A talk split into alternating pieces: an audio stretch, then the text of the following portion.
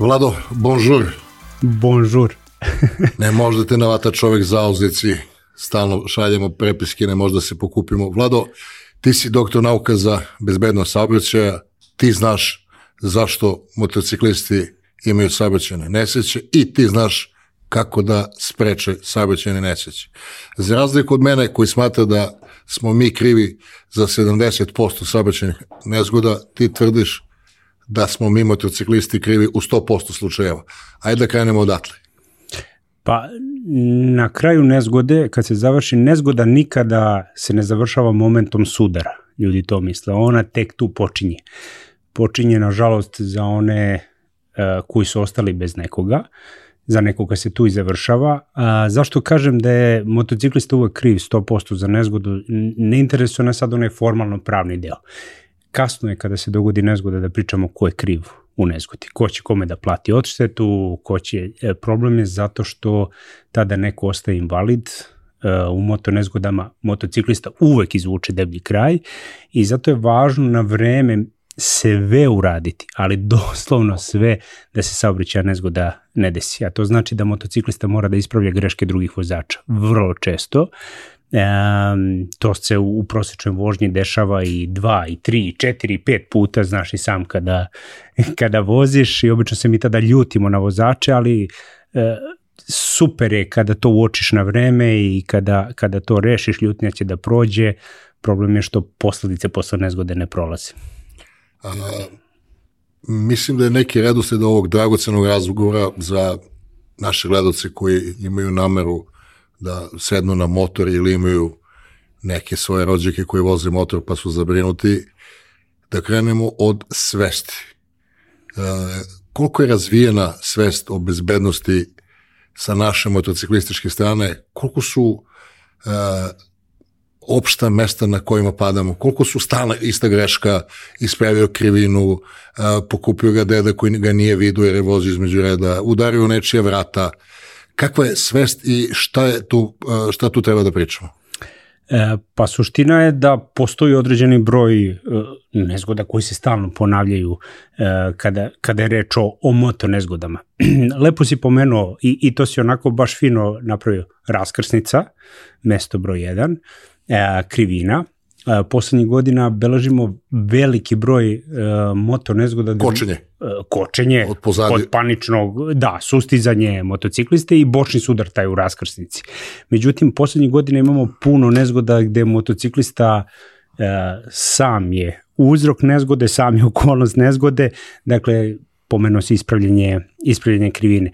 E, postoje neke tipične nezgode. E, ja sam stručnog stava da e, ne sme da bude iznenađenje za motociklistu kada neko ne da migavac, e, ne sme da bude iznenađenje, o, prilazio sam raskrsnici, on je krenuo da, e, da, da izlazi, dakle to su neke stvari koje nažalost nikako ne treba da budu iznenađenje. Uključuju se u saobraćaj sa trotoara. Tako je, dakle to postoje signali koji to najavljuju, motociklista mora to da predvidi uvek mora to da predvidi, e, posebno u gradskim uslovima vožnje, gde se svakom deliću sekunde nešto, nešto menja i već na sledećem metru ne znači da je saobraćena situacija e, identična. E, juče sam bio sa advokatskim timom, jednim nezgoda gde su nažalost dvoje mladih motociklista je stradalo, 19 i 20 godina. E, čovek je jednostavno na znak stop izašao. E, da li su oni to trebali da očekuju zakonski? Naravno da ne. Ali jednostavno ne sme da se desi da u raskrsnicu uđeš šestom brzinom e, na motociklu i da voziš kao da si na otvorenom putu. I da se nadaš da sve da bude u redu. I da će sve biti u redu. Jednom se nameštaju kockice da nije u redu, ako vozač tog momenta nema treniranu refleksnu reakciju, o tome ćemo pričati kasnije zašto ona bitna baš u tom trenutku da, da, da je vozač ima, nažalost... Ali pre trenirane refleksne reakcije treba da dođemo do trenira, onog planiranja, Tako je. šta sve može da se desi. Ja sam snimio onaj neki video, ovo sad me samota pred tobom da Pošto da pričam, a ti si on, naši motociklisti, da. Na, najveći autoritet kod nas na tu temu, po mojim saznanjima. A, ne volim puno me hvali Milane, volim. Znači, pričamo drugarski. Pa dobro, ali mislim, čovjek koji je doktor nauka, koji je vidio ovaj, sveta, išli na konferencije, obuke.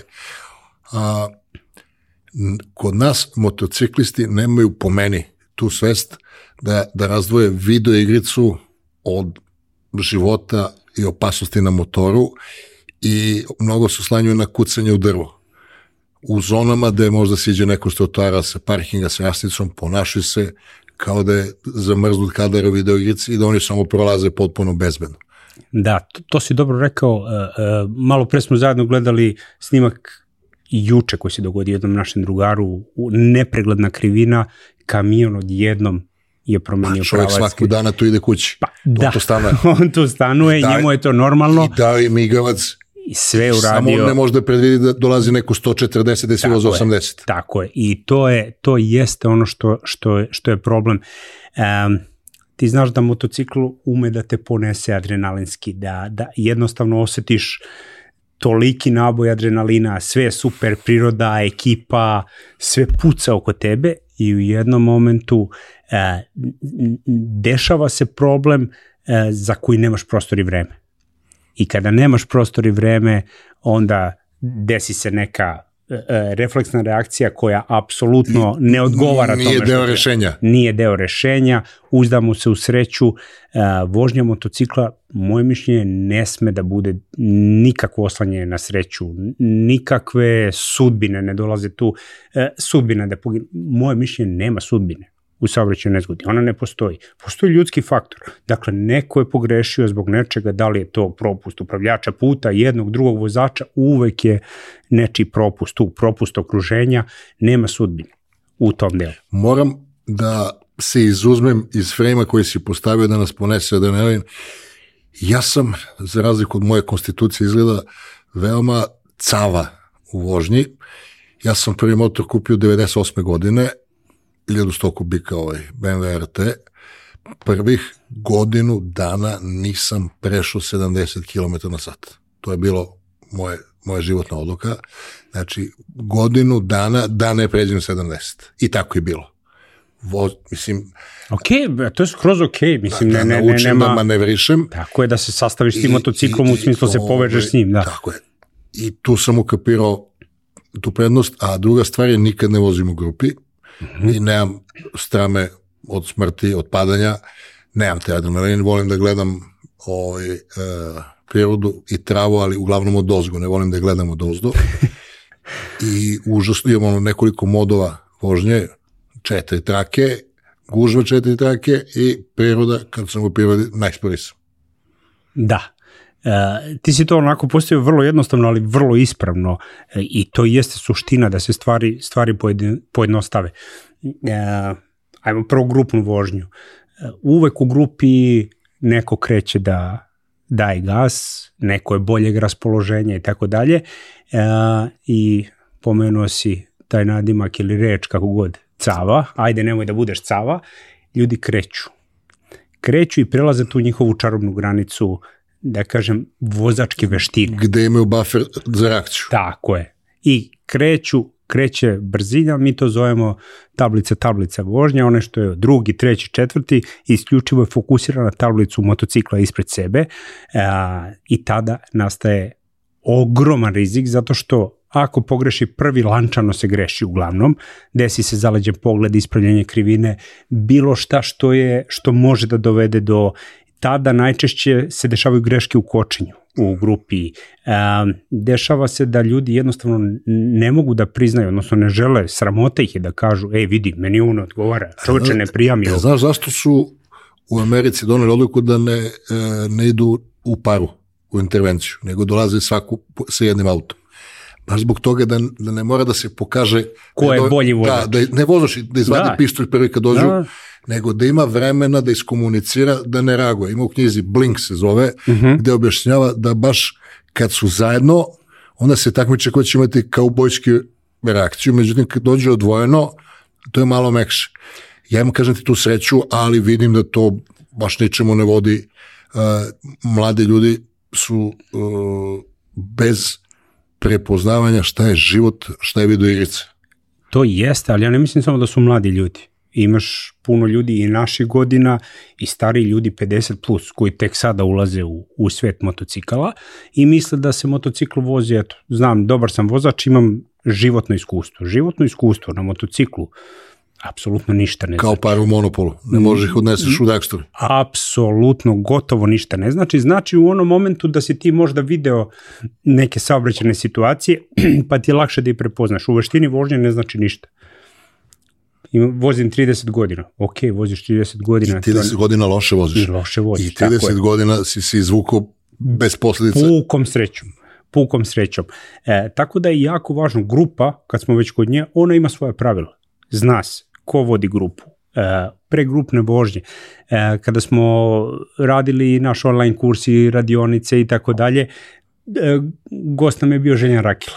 Verovatno si čuo za, e, za, za Željana, e, jedan ekstremno iskusan vodič e, i gde ljudima se objašnjava šta je važno da se ponese na, na grupno motoputovanje. On recimo kaže da tamo 9. 10. dana kada krene grupa muškaraca, tačno kaže kao, bukvalno kao po pravilu, taj 8. 9. 10. dan kreće, da kažem, razdor u grupi. Kreću da se prave klanovi u grupi i jako je važno da tada e, e, grupa ostane homogena. E, ljudi su gledaju američke filmove, super je, vožnja i tako dalje. Ok, moraš da znaš prvo sa kim voziš. Kakav je taj? kako će se ponašati u opasnoj situaciji, da li će celu grupu da izvuče, mi smo imali recimo situacije gde ljudi krenu da se voze, tako jedan krene, izvuče i u grupi se najčešće ne vrati jedan ili dva vozača ili se vrate na jako ružan način. Dakle, moraš da znaš s kim voziš, moraš da imaš cilj tog putovanja. Putovanje, motocikla sam po sebi je uživanje, motocikl je priroda. To, ako kod motocikla osetiš da, da je on a, lečenje tvog nedostatka adrenalina ili ne znam čega, U problemu si. ti si u problemu. Ne samo ti, još neko uz, uz tebe je u, u, u problemu. On te jako dobro anestezira na brzinu. Za trenutak ti jednom probaš drugi, treći put i misliš to je ok, super, ja vozim dve glave ili ne znam nija koliko, ja to mogu. On ti vrlo brzo pokaže da to nije moguće. E, nekad, kad pomislim kako sam vozio auto, Uh -huh. užasno me stid samog sebe. Znači, Da. užasno se stidim. E, bio sam sa suprugom kod njenih u Kistanje, ovaj, velika porodica koja je sada štrkana po svetu, Kistanje, Go Kamen, tamo u, kod e, Krke, ovaj, i rođaka naša, odnosno ženina, kao, jao, kako ti smireno voziš. Tamo ljudi navikli da Da, da, da svi, voze. svi voze brzo. Ja vozim Mhm. ono 40-50 po gradu, pa i ono kad je vozim 80 po onom regionalnom putu, nemam, nemam više tu potrebu, a bio sam idiot, moram da priznam. A što se tiče po motora, što se tiče motora, ne mogu da se identifikujem jer zaista nemam želju da budem u grupi, jer a, osim što mora da odaberem u maršrutu, dinamiku maršruta, mora se dogovaram s ljudima, ja nemam kapaciteta ni da bude po mome, a kamoli da pratim ritam. I imao sam, jedno sam išao sa tom nekom grupom, uh, jedan se raspao na loš način, nešto se naljutio, a s ovima sam se razdvorio, sam ja, došli smo u, u negde na italijansku obalu, u onaj Amalfi, i sad oni su došli sat vremena pre mene, već su seli da, ne znam, popiju kafu, pivo, ja sam došao odmah su spomenuo kao idemo sutra dalje. Neću idem dalje. Da, Došao sam da vidim, mislim, vidio sam samo hotel. naravno. I onda sam ih stigu kasnije, jer su i oni išli sporo, ali ima- imali su neki ritam, bila ona Muđelo.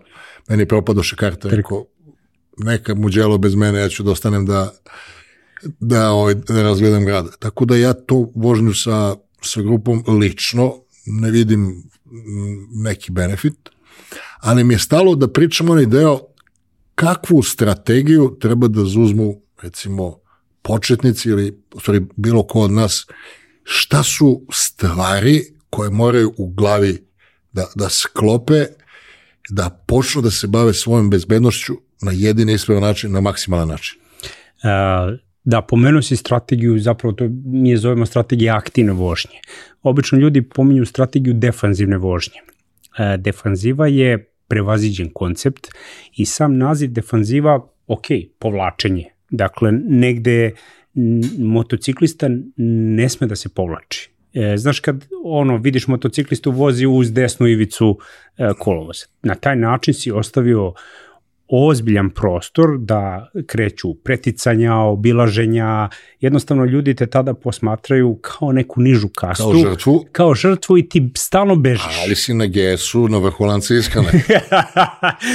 u principu jeste tako. Ovaj, e, šta je suština? Strategija aktivne vožnje podrazumeva e, postoji tri principa. Prvi princip se zove e, vidi budi viđen. Dakle, uvek se pozicioniraš tako da ti dobro vidiš, i da tebe vide. E, daću ti jedan primer, recimo ispred tebe je visoko, mi to zovemo maska vozila, recimo ide kamion. E, I uglavnom, kad stiže ekipa ili sam motociklista, on drži e, levi točak e, e, recimo tog, iza tog visokog vozila i kreće u preticanje tog vozila, a da se nije pomerio u poziciju 3, to je pozicija bliže desnoj ivici kolovoza, znači desni točak kamiona. E, jako je važno da iza takvog vozila kada voziš, pomeriš se pre preticanja u poziciju bliže desnovici koloza da vidiš da nema neki priključni put. Jer obično ako ispred kamiona priključni put ili pešački prelaz ili pešački ili tako dalje, ti kreneš i odjednom iznenađenje. Jer svi žele da se uključe ispred kamiona, zato što kamion posmatraju negde keču ga kao nešto sporo, nešto što ih smara na, na put. I što je, ono, zaustavite na 15 tako minuta je. da voziš ritmom kamiona. Tako je. Dakle, prvi princip vidi budi viđen da ti vidiš i da tebe vide. To znači, recimo u saobraćenoj traci, to je obično, obično ne mora da znači pozicija iza levog točka vozila. Dakle, tada si uočljiv za recimo automobil ispred, on te vidi u retrovizoru u ogledalu, ti vidiš jako, jako dobro. A, to, je, to je prvo, vidi i budi viđen. Druga je kupovina prostora i vremena. Dakle, to je drugi princip strategije aktivne vožnje. Sve vreme, odnosno stalno moraš da imaš prostor i vreme ako se nešto desi, recimo ulaziš u desnu krivinu i automobil seče tu krivinu. Desilo mi se. Znaš kakav je to užasan osjećaj, to je, to, to je onako, baš ume da bude zastrašujuće. A, ti moraš da voziš spoljno, da otvaraš krivinu s polja, tu dobro vidiš, kupuješ prostor i kupuješ vreme i imaćeš da kažem prostora da se skloniš. Da na vreme da imaš da možeš sklanješ, malo da. da. da se skloniš. Ako si vozio lošu putanju i ideš sada nadam se da će motociklisti će razumeti da će svi drugi razumeti ako radiš tangencijalno, ako gađaš teme krivine, ulaziš kao GP putanja, da gađaš apex u tom momentu apsolutno tvoje šanse su jako male zato što nemaš ti vidno polje tako, i, i vreme za reakciju nula. Tako, i nemaš prostor gde da se gde da se skloniš. Dakle, uvek razmišljaj o prostoru i vremenu. I treća stvar koju u automobilu ne moraš da posmatraš, a na motociklu život znači, to je treći princip, zove se princip praćenja stanja podloge. U svakom momentu moraš da čekiraš po čemu se krećeš posebno ako preuzimaš neku akciju. Jel ti povremeno pipneš nogom? E, povremeno da, spustim nogu pa kad, kad mi je čudan asfalt kad neki. Kad se promeni nešto. Tako je, samo spusti se noga, znaš, za, za, za tu foru, ovaj, probaš. Ja na, ukočim. tako je, no, čisto probaš na, na čemu si. Da, znamo. Ovaj, da znaš kako će motocikl da, da se ponaša. E, suština je da recimo ne smeš da, ok, ako se desi opasna situacija, ti si na pešačkom prelazu kada pada kiša. Svaka akcija kočnicom tu je nepredvidiva. Da li ispod tebe, ne znam, moraš da pratiš da, da, kog je kvaliteta asfalt, e, šta je na asfaltu i tako dalje. I da optimizuješ kočenje tako van, van tako ofarbanog dela. A, e, kad put uvek tu može da napravi problem bez obzira možete da imaš ne znam kakav kočioni sistem. Ako on daje, e, to, to ljudi kažu imam Brembo, ne znam koliko klipova i tako dalje. Druže, tebi asfalt daje toliko usporednja. Ono, mi ga računamo u metrima u sekundi na kvadrat, on ti daje toliko. Možeš ti da imaš šta god hoćeš na tvom motociklu ili na automobilu. On na tom usporenju, recimo 5,5 metara u sekundi na kvadrat, ti klećeš da klizeš.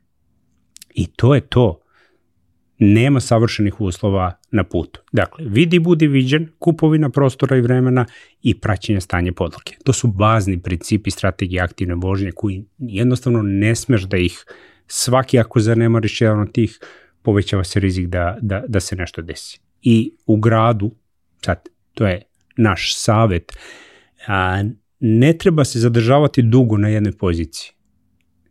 Dakle, držiš jednu poziciju i sad voziš tako. Ne, konstantno menjaš. Da bi zadovoljio ova tri principa i kada ti stalno menjaš, ti si uključen u igru. E, motocikl te jako brzo uvuče u ono stanje da kreneš da razmišljaš o poslu, da li si uplatio nešto, da li je... E, kupio sam, da. kupio sam ono, Bluetooth. Bluetooth i pustim audio knjigu. Aha. Zajebem se, u kolima mogu. Da, da, da, da. da. Nikako nikak, ne mogu. Nikak. Bukvalno 3-4 km je bilo, uh, zajebao sam se stavio sa s desne strane, Aha. pa znaš ono, gas, i nikad više nisam koristio. Da. Pošto idem sam, nemam s kim da pričam. Da. Nikad više, to bilo mi ono cool, znaš, kao mi malo... Da, ti uživaš u tome, sve to super, ali... Koliko, koliko taj bandwidth koji mi oduzme knjiga, koliko mi smeta da, da mogu da funkcionišem na putu. Da, to ti je kao na računaru, mi to prosto objasnimo ljudima. Uzmeš na računaru koji je, ne znam, takav kakav jeste, laptop i otvoriš 50 programa. Njegova RAM memorija u trenutku je preopterećena. E, tako isto kada mozak na motociklu kreneš da razmišljaš o nečemu, slušaš nešto, komunikacija je super, ali kada se koristi namenski. Dakle, ideš u grupi, Ima okay, kamen, gužva, imaš, spori, gas. To je to. A ne za ne znam kakva raspredanja, za e, slušanja neke muzike koja će da ti odvuče misli. I tog trenutka baš se tad namesti ono što ne treba. Jasno. A reci mi, kod nas su alergični na opremu ili nose samo kacigu zato što moraju čime koče kad, ne daj Bože, padnu kožom ili opremom? Uh, to se mnogo promenilo od, od recimo, uzet ću kao reper neku 2009. godinu. Te godine smo mi imali 121 poginulog motociklistu u Srbiji. To bi ti uporedio, nemam pojma, populacija koja je tada bila ekstremno mala i odjednom ta populacija da 121 poginulog od 18 do 25 godina. Na lošim motorima, bez opreme, bez kacige, katastrofa loši totalno. putevi. Sve, sve katastrofa. Recimo sada, znaš ko ima takvu situaciju sada? Otprilike Bosna. Bosna i Hercegovina. Oni od, otprilike kasne u, u, u tom nekom delu deseta godina iza, Gledao iza nas. sam na YouTube sa sinom najstarim, sa Jocom, i sad neki tipovi, ne znam, puštuju se, recimo, švedske, zabaduju do Turske i ulaze u Bosnu. I izlazi tip u papučama, majcina bratele, bez kacige, pored njih, I vozi. Da, i ono kao pretiči, znaš, kao je... A, mi smo naši, da, da, da. A ovaj je upotrebio taj Aha. koji priča, kaže, organ donor. Da, da, da. Donator organa. donatori Da, organa. da. Mhm. To, to je, mi nosimo taj epitet e, u svim naučnim radovima, u svim studijama, uglavnom se kaže ranjiva kategorija e, ili ugrožena kategorija učesnika u, u, u saobraćaju. E, ta godina i recimo posmatramo pretprošlu godinu, opet prošle godine smo imali neko povećanje, imamo 50 poginulih, Da. dakle i negde oko 1300, 1300 povređenih. A ono bilo 10.000, čini mi se. Bilo je negde oko 4,5, 5000 uh, uh, povređenih. Dakle, mi smo napravili jedan super rezultat. Broj motocikala je drastično porastao u Srbiji. Sad smo negde tu oko 100.000. Znači, u povećanju broja motocikala, A obaranje brojki apsolutno, što je Jest. mnogo više relativno. jeste. E sad, relativno da, više. Sada je suština da smo prošle godine imali 60 troje, ja mislim, ili četvoro, nemam sad kod sebe statistiku ovde, uh, poginuli, što je opet previše Koliko motora ima u Srbiji procena na Oko dan? negde oko 100.000 registrovanih motocikala ima peda dvotočkaša kao. A, a 2000, šta smo rekli, devete, Devete smo imali recimo nekih skoro 50% manje. znači na 50 50% manje bilo, šta smo rekli, Mnogo, više. tri puta, ajde da kažemo, dva zarez nešto puta. šest puta je gore bilo. Uh, Dosta je, dosta je gore bilo. Međutim, ja sam stava da je jedan poginuo Mnogo. previše. Da, da. previše. E, zašto? Mm, Obično mi kada vidimo crnu statistiku, ono što žalimo je to taj koga nema i ono što žalimo je ta porodica koja nema. Međutim, to se reflektuje mnogo mnogo dalje. Kao onaj kamen kada ubaciš imaš prvi, drugi, treći krug u vodu. A i taj čovjek u kog je udario i njemu E, je svi život. su, jako je, mi smo imali priliku jedne godine, u, kad smo radili strategiju bezbednosti saobraćaja grada Beograda, da pričamo sa ljudima koji su u zatvoru, inače maksimalna zatvorska kazna u Srbiji za saobraćaju nezgodu koju neko može da dobije 12 godina. Ovaj, da pričamo sa ljudima koji su u zatvoru zbog, zbog toga. I sad sećam se tog jednog mladog momka koji je rekao da bi dao sve na ovom svetu, da svaku noć on ima istu noćnu moru. Gle, ovome treba da se priča, e, zato što ljudi ne razmišljaju, olako shvataju stvari. Taj momak, neću pomenuti, pošto svi znaju koja je to e, nezgoda, po medijima je bilo, je nekoliko puta bio je suicidan, u, u, pošto je dosta mladih života sa njim stradalo. A, ja, to menja kompletno život. Neko ko ima super budućnost, imao je sve, u danu sve gubi. E sad zamisli da moraš da ustaješ sa mišlju da si ubio nekog. I da taj neko tvoj drug, neko blizak, da je on imao svoju neku porodicu i tako dalje. To se drastično raspredilo. Ili da si ti taj koji je forsirao grupu da ide brže pa, i rekao si nekom da je cala. Vidi, tako je. I, I dešava se glupo, zato što si pred devojčicom teo da se pokažeš kako tvoj BMW ide strava. Um, suština je da saobraćaj nezgode jako puno koštaju društvu. Bila je do 2000, do predno 3 godine, 750.000 evra je koštao jedan izgubljen ljudski život u Srbiji u saobraćaju nezgodi. E sad, ljudi pitaju obično, kaže, kada pitamo koliko košta ljudski život, svi će kažu neprocenjivo. Ok, ja se slažem da je u duhovnom smislu, ljudska duša i duh, to nema, ne može se meri. To je nešto što je nemerljivo. Međutim, kada se vratimo u ovo zemaljski život, tu su, da kažem, drugovi Amerikanci, prvaci sveta, oni kažu, ok, jedan dan nije mi bio taj čovek na poslu, ovo zvuči surovo, ali nažalost to je tako. Uloženo u školu. Uloženje u ovo, uloženo u ovo, uloženo u ovo, ta porodica, e, osiguranje isplatilo to, sve kad saberu, oni dobiju, posebno kad neko ima, da kažem, neki jači biznis i tako dalje, trpe drugi, može ta firma se raspadne, to jako puno košta. Troškovi lečenja, pa ide se sve do troškova i sahrane nadgrobnog spomenika koji ti se, sve to ulazi, tu ima više hiljada, da kažem, tih nekih pozicija koje dobiju. Sada je trenutno u, u Srbiji 1,1 milion evra košta izgubljen ljudski život u saobraćaju neskoti. 1,1 milion evra. Puta 520 ljudi koliko je poginulo, mislim, dva, u, u saobraćajnim nezgodama, to su uštede koje mi lično možemo da napravimo kao društvo. Tako što ćemo ući, što ćemo vezati pojas. Tako što nećemo smatrati migavac bespotrebno stvari. Tako što ćemo jednostavno kad se posvađati, nećemo se svađati u saobraćaju. Ovde ja ne znam da, da mi prođe jedna vožnja, da ne vidim dvojicu da se pičkaraju izvini na izrezu. Jasno. O njemu familiju, ova njemu familiju i onda njih dvojica vide samo jedan drugog. Da li je tu žena sa detetom pored? Da li neko dete to gleda? Dva kretena koji se svađaju. Da li e, njima je bitno da, da sad, ko je tu veći šmeker, veći, da ne kažem šta, ovaj, u, u, u tim uslovima i on narednih pola sata, sigurno, ti znaš sada kako se hormoni ponašaju, e, e, kortizol i sve ono što, što se dešava tog trenutka u telu, dok on spusti, da kažem, taj nivo stresa. Neupotrebljiv za vožnju. On je neupotrebljiv možda i taj dan, ceo, zato što je s nekim napravio to što, što, što je napravio. Ok, gužva je sve, pa gde ćeš? Ne možeš da preskočiš to.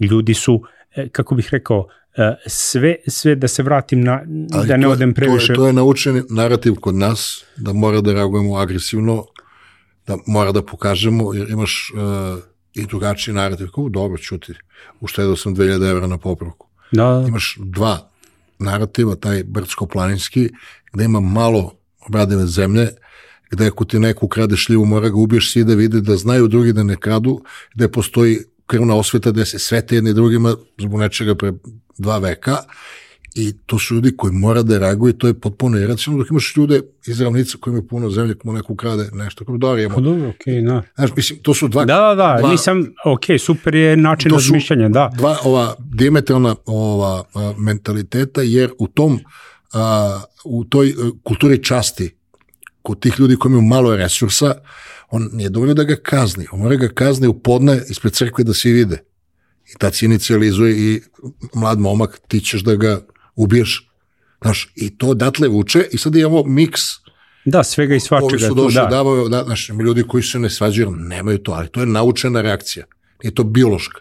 To su uočiš, gledaš ćaleta, gledaš ujku, gledaš strica, onda ti počinješ tako da reaguješ. Ja sam se otkodirao, jer smo mi ono, na sportima smo se mnogo često psovali međusobno i to je bio način komunikacije, čovjeku, čekaj, meni se ovo ne sviđa. Da, nije dobro, I onda jednostavno, sam da. a, Mm, radio na sebi, ja ne koristim si- sirenu, šta je to tačno njemu treba objasnim sirenom? Mislim, sirenu kad mi neki Možda ga upozoriš na Pa ne, nešto ako ide- njemu opasno, kad, da. Kad kad ide da. u rikvrc, ja. Tako je. trudim se da propustim svakog, jer dao Bog radim online, imam dosta vremena, nigde ne žurim, nemam fizički sastanak na koji moram da stignem i trudim se da svoje okruženje uh, indukujem i edukujem da se ponašaju tako. Recimo, moj najstari sin uh, osciluje u tome, ali se zrasuje u okruženju, da, znaš, ono, stalno se posvađaju z- za svašta nešto. Baš ga juče testirao jedan e, šalje neke pare Western Unionom, ovaj, ajde bre brže dečko. Šta, Da, šta da, da. radim? Kao? Da, Mislim, de- kao, šta, šta, šta ja mogu, Šta mogu da uradim, da. šta to konkretno mogu da radim brže, da čekam brže da pribaju pare. Ovaj, hoću da kažem da, e, da se i takve stvari uče. Da kad te neko iseče, ništa. Imaš pravo da ne reaguješ. A kako bi, evo sada odlična tema, meni, ja volim često da razmišljam kako stvari, ok, moj domen je saobraćaj, pokušavam m, kako ljudi da sami mogu da, da, da sebe iskontrolišu u takvim situacijama. E, kako, ok, prosečno vreme putovanja u Beogradu je trenutno 42-3 minuta Gde god da kreneš. u jednom smeru. Da. to neka bude prva, ok, ne možeš, nema više vikenda, nema više vršnog časa kada je, ne znam, tad je gužva, sve vreme je gužva, sve vreme je gužva. To što voziš Audi, ne znam, kakav i sve, neće ti pomoći da brže stigneš. Ovaj, ja mislim da ljudi treba da se malo setuju na, na, na, na te stvari, jer meni je, a, ono što je meni najopasnije u celoj ovoj priči su naše deca. Ona gledaju sve to. Tako je. I, I mi očekujemo da će biti nešto bolje, a mi se ponašamo tako. sad prelazimo malo na, na ta filozofska pitanja, ali ajde, da kad smo u kancelariji, moja najbolja drugarica Nina ima, recimo, možda i najbolju teretanu u Nišu, otvara novu, veću, bolju. Mislim, ono, 2 miliona kvadrata. Nina je imala biznis sa mnom kad bila mala, 17-18 godina i sad mi smo ostali bliski porodično i dan danas i juče zvala mene da me s oproštenjem ispsuje, u stvari celo svoje okruženje, jer niko ne razume dimenzije problema. Mislim, paliti vreme, pare, ljudi, svi rade sve pogrešno. Da. Ja kažem, Ninka, a, ajde ovako, kad uđeš kući, pripremi sutra šta ćeš da radiš, 20 stvari. Svih 20 ljudi od kojih zavisiš će te zajebu nešto. Da, da, da. Znači, bude se ujutru, vezi u pertli i kaže, uf, kako ja da te da zjebem njenu danas. I tako funkcionišu ceo život, ne samo prema tebi. A, od 20 situacija, 12 gubiš 100%. 8 pobeđuješ na silu. Aj probaj da se ne izneviraš. Da. Znači, Čisto da, da znaš da su to pravila igre. Ot, otvaraš Da. teretanu, kasne sprave, fale šrafovi, e, majstori reklamu stave ovde, stave unutra, da niko ne vidi, štemuju četvrte put zidove.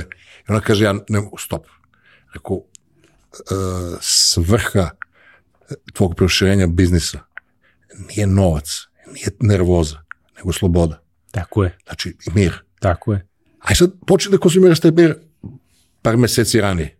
Pa ne, ja sam rekao šta sam rekao. Samo ga, stavi ga kao primarnu stvar, da, da to želiš da radiš. iz tog ugla pričamo. Da, da, isto Ja- važi za vožnju. Pa, doći do toga. Da. Isto i sa suprugom pričamo kad, recimo, ono, srednji sin nešto iz, ne iskomuniciramo, on je, to je cela ta generacija komunicira nula. Znaš, ne odgovoriti na poruku i onda, znaš, kad to raste i, i ona podivlja, rekao, stop, šta mi želim? Pa da, ja hoću da, ne, ja znam šta ti hoćeš Da, Kako da, ću reći nego? Koji cilj hoćeš postigneš? da, šta Da li mi znamo da je to hoćeš? pravi alat za... Da, da, Znaš, možda e, bez reakcije bolje nego ta reakcija. Mi ne znamo ta reakcija, da, šta će, gde će nas dovede to? da, Da, što bi počeli nešto, pa meni je lakše, pa idi prošete nešto. I sad usvojili smo to. Ja odavno, odavno, odavno ne povisim ni na koga ton. Mislim, ono, ponaša se kao dobra čikica koliko mogu, a u saobraćaju a, ne gledaš ga u oči, pustiš ga da te ispsuje, ništa samo odeš. Ja mislim da da je to dobro rešenje i za one koji psuju i za one koji su psovani u, tom delu. E, šta je suština? Jedan takav u lancu nam napravi haos. Ali jedan takav u lancu. Ja često pomenem, recimo majku ujutru, pošto idem najčešće peške ka, ka poslu i tako dalje, ovaj, koja ujutru, evo, ja sam razmišljao da stavimo kameru na par raskrsnica za pešake, pričam. Sedam od deset pešaka, nema nikog, prelazi. Ja sa detetom, sin mi je, sad će tri godine. Miš na crveno svetlo. Na crveno svetlo Da. pričam za pešaka. Da. Pričam za pešaka. I, I moje dete to gleda. Jedan čovek mi je samo jednom rekao izvini što sam prešao pred tvojim detetom. Ne mojim lično, svačije dete. Ali, ok, ja se trudim da ga naučim da, jer sutra će sam da ide u školu, u vrtić. Ja sam zapanjen potpuno, ja to gledam, recimo, kao što im da ljudi bacaju džube ili ne, u Nišu disciplinovano stoje pešaci na crveno. Trava, ja pričam za Beograd ovde, što je. E, Da, Nisam, kako ti Da. kažem, ovu, pošto su moji gledam da, i ono, ako nešto ima, ja bi prvi rekao, to je jedan interesantan stvar, Da. potpuno e, nije u temi. E, znaš da ulični psi prelaze na zelenu Nišu? Imaš fotografije? strava. Su- Mislim da sam gledao čak Da, nešto. jer su sa se naučili, gledaju ljude i sad čekaju. Ispada da čekaju da bude ljudi, onda su kapirali psi lutalice na Bulevarskom parku u Nišku. O, prelaze Na zeleno na sve. zeleno svetlo. Najnormalnije. Ne i ne prelaze na pešačku prelazu.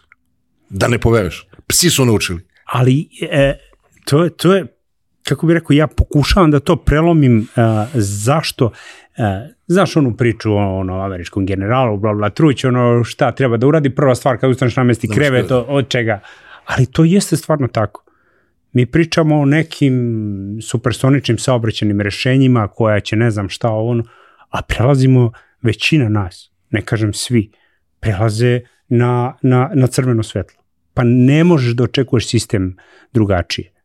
Ok, ja shvatam odgovornost države, shvatam odgovornost upravljača puta, svakoga, ali mo, svako od nas mislim da može A niko ne stvar pođe baš od sebe. Ali, ali, ja, ali to stvarno jeste tako. Ja sam uvek koji ti, uvek sam na strani, kako bi rekao, korisnika, naroda, uvek treba biti. Država je država, to je, ona ima svoja pravila. Ali e, suština je da, da mnoge stvari mogu da se poprave tu samo našim nekim, kao pa šta ima veze žuri. Pa čekaj, moje dete gleda to što ti žuriš. I ne daj Bože te udari na pešačkom prelazu. Pa nek- da, i onda su svi krivi. Od predsednika do novog svetskog poredka. Znači sve ne valja i, I ovi templari. i templari i jezuiti i svi su drugi krivi, samo ti nisi kriv. Ne mislim da je to dobro i mislim da dosta stvari na tom nivou može da se, da se promeni. Da ne Ako odemo su daleko. krivi, od- jezda i da fina, jesu. Jesu. Da ne odemo mnogo od motociklista. A, oprema, kaciga, rukavice, jakne, kako to da biraju sa, ob, ono, bez budžeta, sa srednjim budžetom, šta je optimalno, zašto je bitno, ajde taj tvoj čuveni Oh. pič opremi, da ako možeš uvijek imaju dugačke rukave, dugačke Pa, nogavice. gledaj, e, suština je e, da se uvek pitaš šta bi volao da imaš da padneš.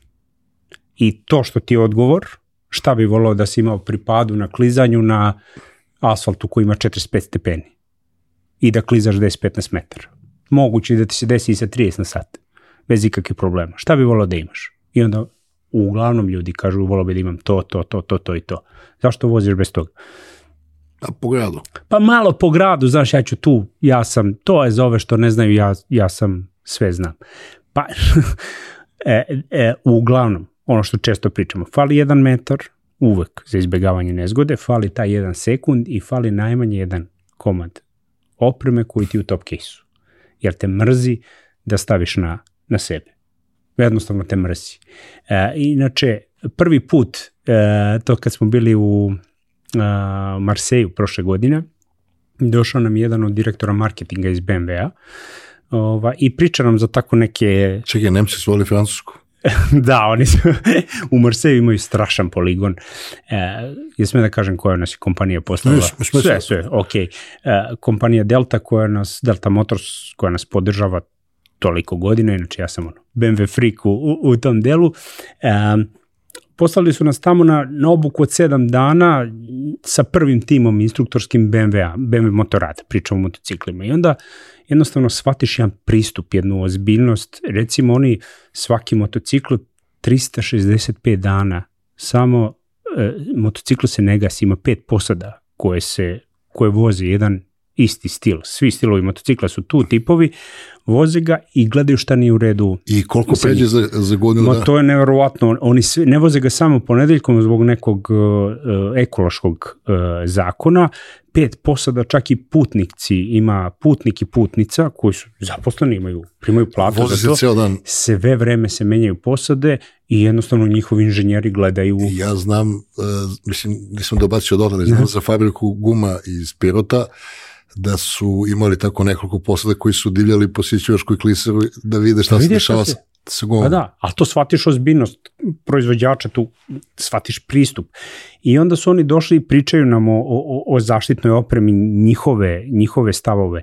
Dakle, tamo nema trika da vidiš motociklistu koji nije u, u potpunom, potpuno, potpuni komplet. Puna borba na gotovo. Sve, sve je tu. Ja sam se to, da kažem, godinama sam se e, navikao.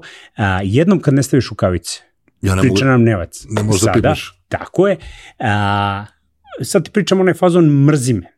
A, sedam puta se teže stiče navika da to ponovo vratiš, nego, znaš ono, flip up vozi kacigu i vozi otvoren. Taj su. E, suština je da jako brzo se navikavaš na taj super osjećaj da te hladi vetar, da ti to sve prija. I, i kada spustiš, e, zatvoriš, tebi postaje neugodno. E, to ne sme da se radi. Znači, moment kad krećeš, satvara se sve, stavljaš rukavice, sve mora da je tu. Jednostavno, noge su najpo... Vidi, u 50% padova su teške telesne povrede. U 50% padova su teške telesne povrede. Ne postoji bezazlana motorna nezgoda. Ja nikad nisam vidio u životu bezazlanu motornu nezgodu. Da padne, kaže, nije mi ništa. To ti misliš da ti nije ništa. Dovoljno je samo i jak stres da te udari, pa je... E sad, taj pad nije mi ništa stvara taj strah koji se kompenzuje kod vozača i već u sledećoj krivini dolazi malo do Izobličene stezanja, nisi ti više taj i tako dalje.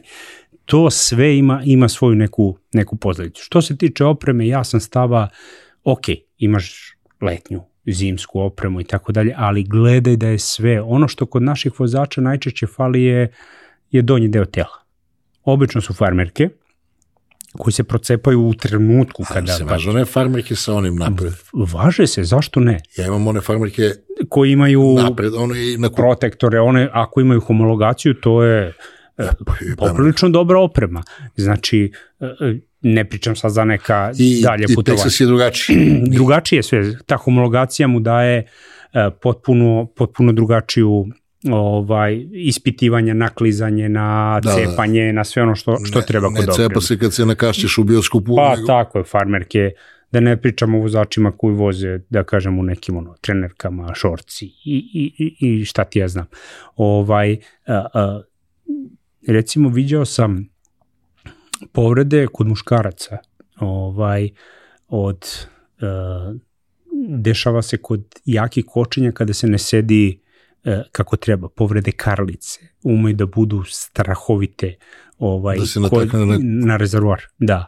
Ovaj, ljudi, e, zašto je važno da znaš kako kočiš, zašto za nijansu uvek ide ranije zadnja kočnica pa prednja kod motocikla zbog spuštenja stabilnosti da ne bi otišao pravo na rezervoar i tako dalje. Dakle, to su sve neki detalji, pa verovatno si čuo priče e, da, da samo ne spuštem vizir od kacige. Ovaj, ja sam imao dva puta susret sa, sa, sa osom, recimo koja uđe u kacigu. Znači, to je pakao, ne znam šta ti se e, dešava, više ti nisi fokusiran na, na vožnju. Ja sam ovog leta Pa, smanjio sam ono da nosim onu bandanu oko vrata Aha, i ušla mi pčela. pčela, pa da. Reci kakav glupav osjećaj. Ono. ništa. Dobro. Sam ja strano ubijem i idem dalje, ono ovoliko bilo. Pa da, ali te ujela. Sramotem od samog sebe, glup sam. E, ali eto, jedan moment. Predvidivo je li da ne, ne staviš... uđe u, u, rukavice, ne zatvoriš jaknu i tako dalje. To su sve... Ajde da pređemo kroz sve te stvari, pošto Da. imamo mlađe gledoce, Mhm. imamo roditelje mlađih gledoca, pa da uradimo checklistu, ali ono, Ok, kao idiota. korak po korak. Uh, prva greška. Aj krenemo od greške. Ajde. Uh, ne postoji motocikl i oprema da može se upakuje u hiljadu i po evra. Nažalost, toga nema. Uh, izbor, baš pričamo za one koji su, koji su početnici. Uh, ona prva greška koja se pravi sve pare za motocikl, za opremu, aj vidi, uzet ću od druga, ima neka kaciga tamo ostala od ne znam koga i tako dalje. To nikako bolje, nemoj ove sezone kupovati motociklu, ali kupi opremu I koja je za taj stil. desi, češće se desi u prvoj sezoni. Pa naravno, mislim, to je naj, najrizičniji period, ono, kao dete malo, mislim, jednostavno moraš da, da, da porasteš, da shvatiš neke stvari, kako funkcioniše u, u to bezbednosti saobraćaja. Dakle, kupovina opreme a, zajedno sa motociklom, to je korak, korak broj jedan.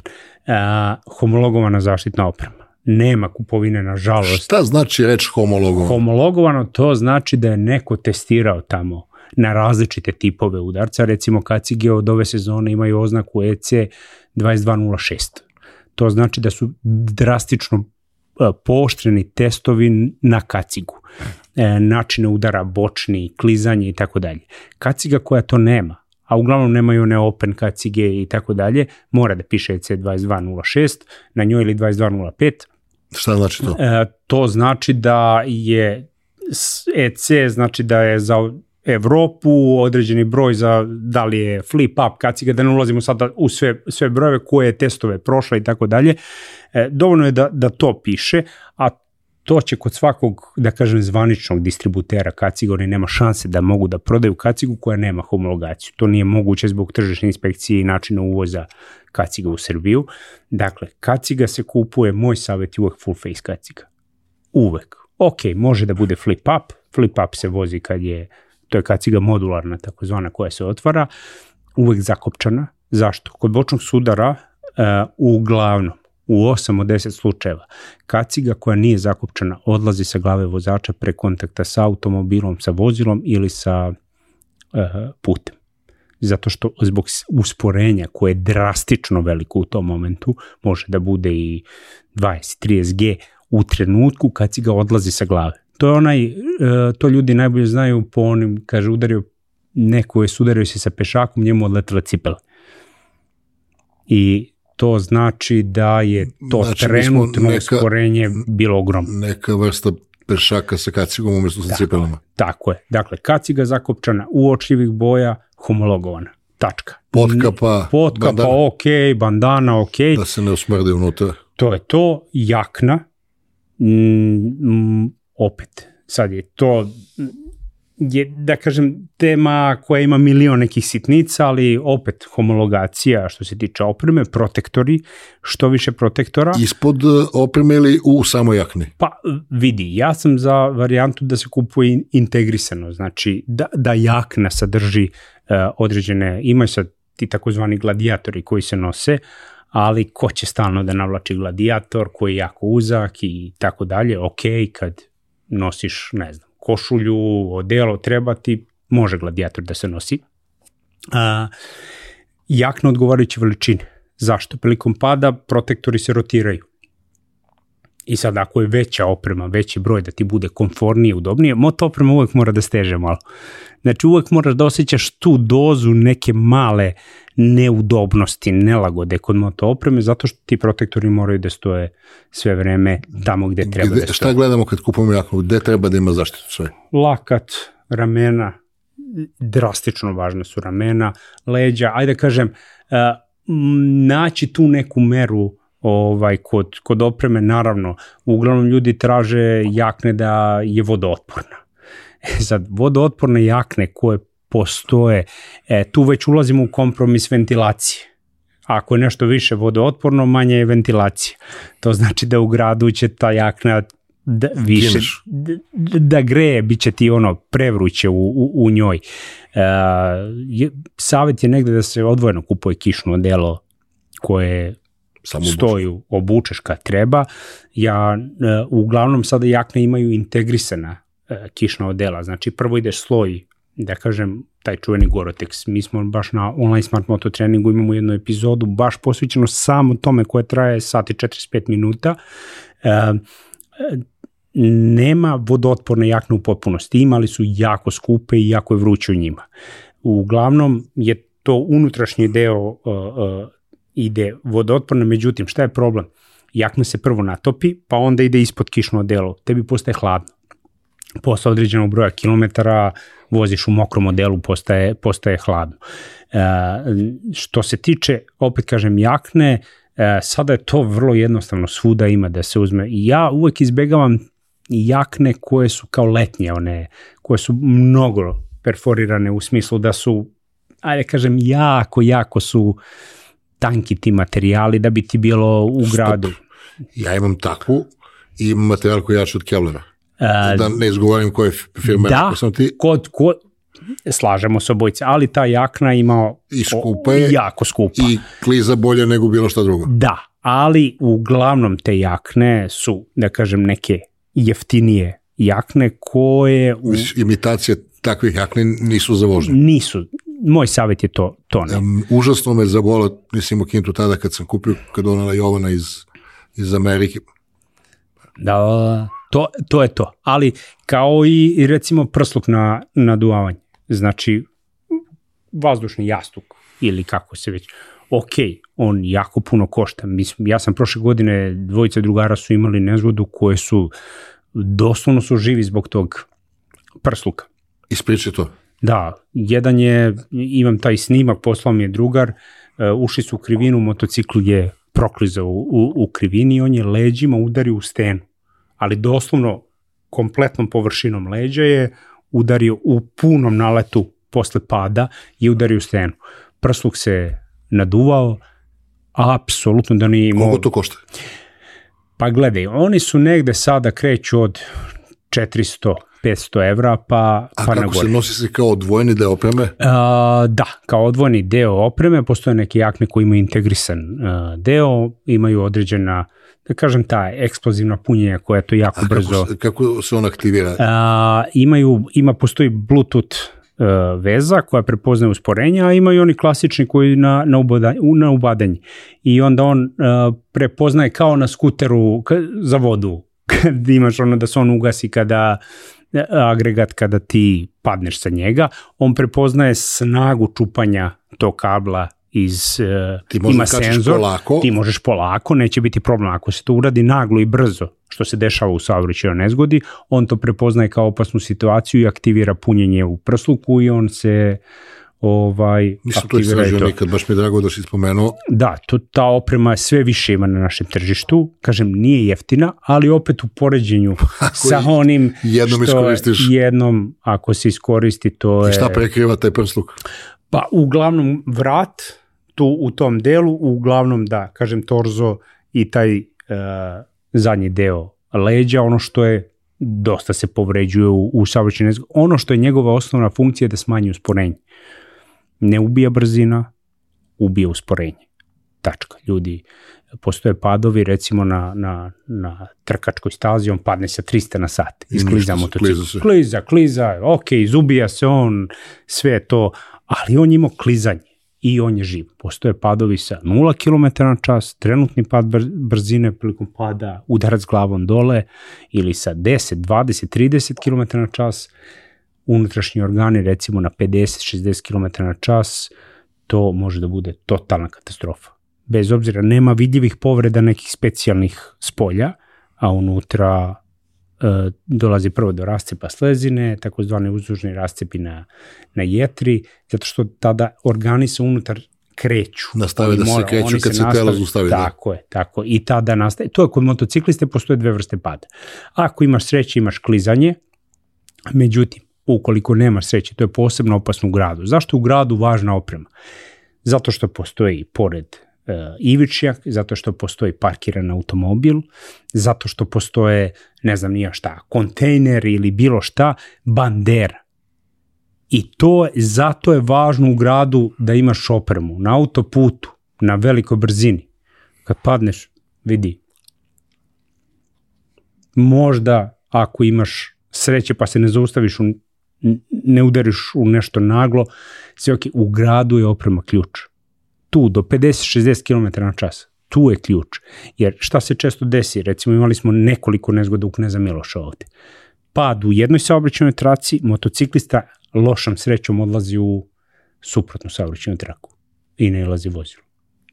I, nažalost, tada se dešava to. Meni se to desilo, ja sam imao pad 2011. godine, otišao sam u suprotnu saobraćenu traku ova, i čujem škripu, škripa, škripa, škripa, škripa i okrećem se i branik mi stoji ovde ovako. Ok, sreća, pa je... Dobar auto, dobre košice, da kažem, refleksi. neko je vozio po ograničenju, nije, ali, ali suštinski to je motocikl, to, to je ta nepredvidivost saobraćajne nezgode. I kogod kaže da ja u saobraćajnoj nezgodi mogu da uradim, ne. Da, ako si ekstremno treniran, e, da šaltam u nižu brzinu, nemaš vremena za to. To su delići sekunde. E, ostalo mi mislo pre jedno tri segmenta unazad, a, motor i automobil tehnički isto koče, isti, isti G.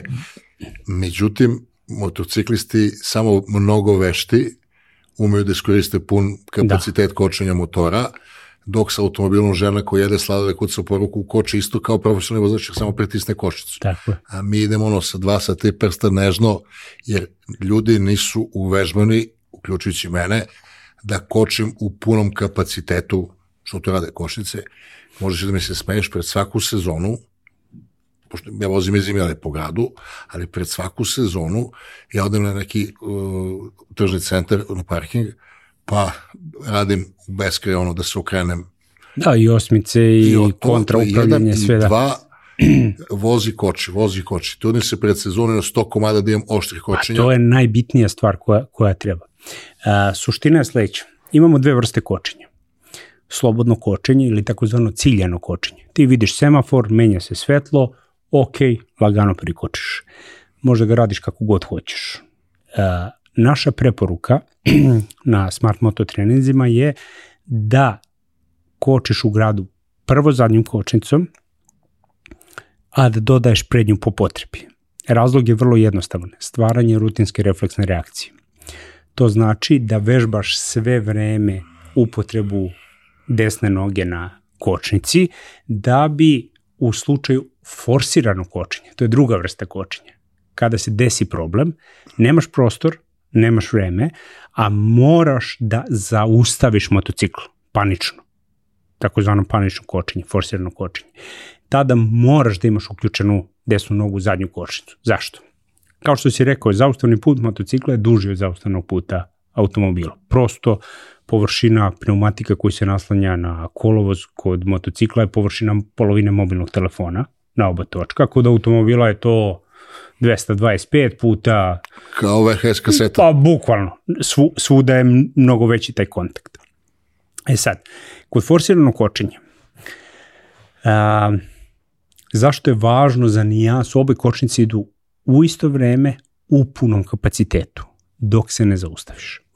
Zašto je važno za trenutak ići ranije zadnju kočnicu? Onog momenta kad se aplicira zadnja kočnica za trenutak, čak i blokira, motocikl se spuste. spušta se dole. Spušta. A, suština je da maksimalno korist, koristimo prijanjanje. Dakle, da bi iskoristili taj kontakt da bude veći. A, I ono što je važno, rastereti ruke vozača. Ako ideš samo prednju kočnicu, automatski, da kažem, ogibljenje na prednjem delu, tebe izvlači iz sedišta i jednostavno mnogo se oslanjaš na, na ruke, na upravljač. I ako moraš da izvedeš izbegavanje, brzo, recimo neko ti otvorio vrat, ne možeš da izvedeš counter steering zato što si previše oslonjen na, na upravljač. Uh, zadnja kočnica jednostavno te drži u motociklu, kao što mi to kažemo, i daje ti, rasteretiti ruke da možeš da radiš i dublji counter steering za za izbegavanje. In case of emergency. Tako je. jako je važno kvačilo u tom momentu, ekstremno je važno kvačilo, ili zašto? Ti kod refleksne reakcije, pogledaj, imaš brzo, da kažem, nemaš otpuštanje gasa najčešće. Gas ti je ostao recimo na pola. I ti hvataš kočnicu, recimo sa četiri prsta, A, a dobiješ pozadi snagu na zadnji točak i tada dolazi do takozvanog high side. Motocikl mora tu negde snagu da, da izbaci i uglavnom se ukosi ako ne sediš lepo i napravi se takozvana praćka ili high side. Ono što pokušavamo da ga preklizamo Mm, to je pred curama, radimo baš kad ne treba. kad ne treba tu. E sad, suština je obično pitanje dva, četiri prsta na kočnici, zavisi kakav sistem imaš na motociklu. Moj stav da niko, sad da, da neko ne shvati ovo pogrešno, ne bi trebalo da vozi motocikl bez ABS-a. E, ne mislim, e, e, e, određeni modeli stariji, ok, ja imam čak neke motocikle koje mnogo volim, a, koji a, nemaju ABS. Mislim da to polako vozači moraju da izbace, zato što je zaustavni put sa ABS-om i bez ABS-a i, i, i način tog kočenja je drastično se razlikuje. Kaži kako koči ovaj novi GS. Oh, znači, to je prosto ABS Pro, recimo. E, ko to nije probao, mi smo baš tu u Marseju, e, radili smo forsirano kočenje U krivini. u, u krivini, u nagibu. I prvi put kada je prvi fabrički instruktor BV Motorada pokazao sa 160 nagi preko 45 stepeni u, u, u oštroj desnoj krivini i u apeksu krivine četiri puna prsta na kočnicu. Ujebe. I sad ti mozgu ne možeš da objasniš da je, da je, to, da je to moguće. ABS Pro za razliku od ABS, ABS je e, uglavnom predviđen za pravac i manje nagib. ABS Pro isključivo radi kada je motocikl u većem nagibu. Dakle, kada je preko 20 stepeni pa naviše, tada služi ABS Pro. E, sistem koji jednostavno drži motocikl, računar, ok, preuzima sve. E sad, većina a, tih sistema a, kada se, u, mi kažemo, upale na motociklu, to znači da si ti pogrešio. Negde je vozač pogrešio, ali jako dobro naravno ih imati da bi ispravile grešku uh, vozača. Jel, uh, taj sistem i transfere i na zadnju kočnicu 70-30, E, to je jedna od najvećih dilema kod vozača, takozvano integralno kočenje i tako dalje. Ono zapravo u, u teoriji postoji, u praksi ono radi malo drugačije. Pokušat ću samo kratko da...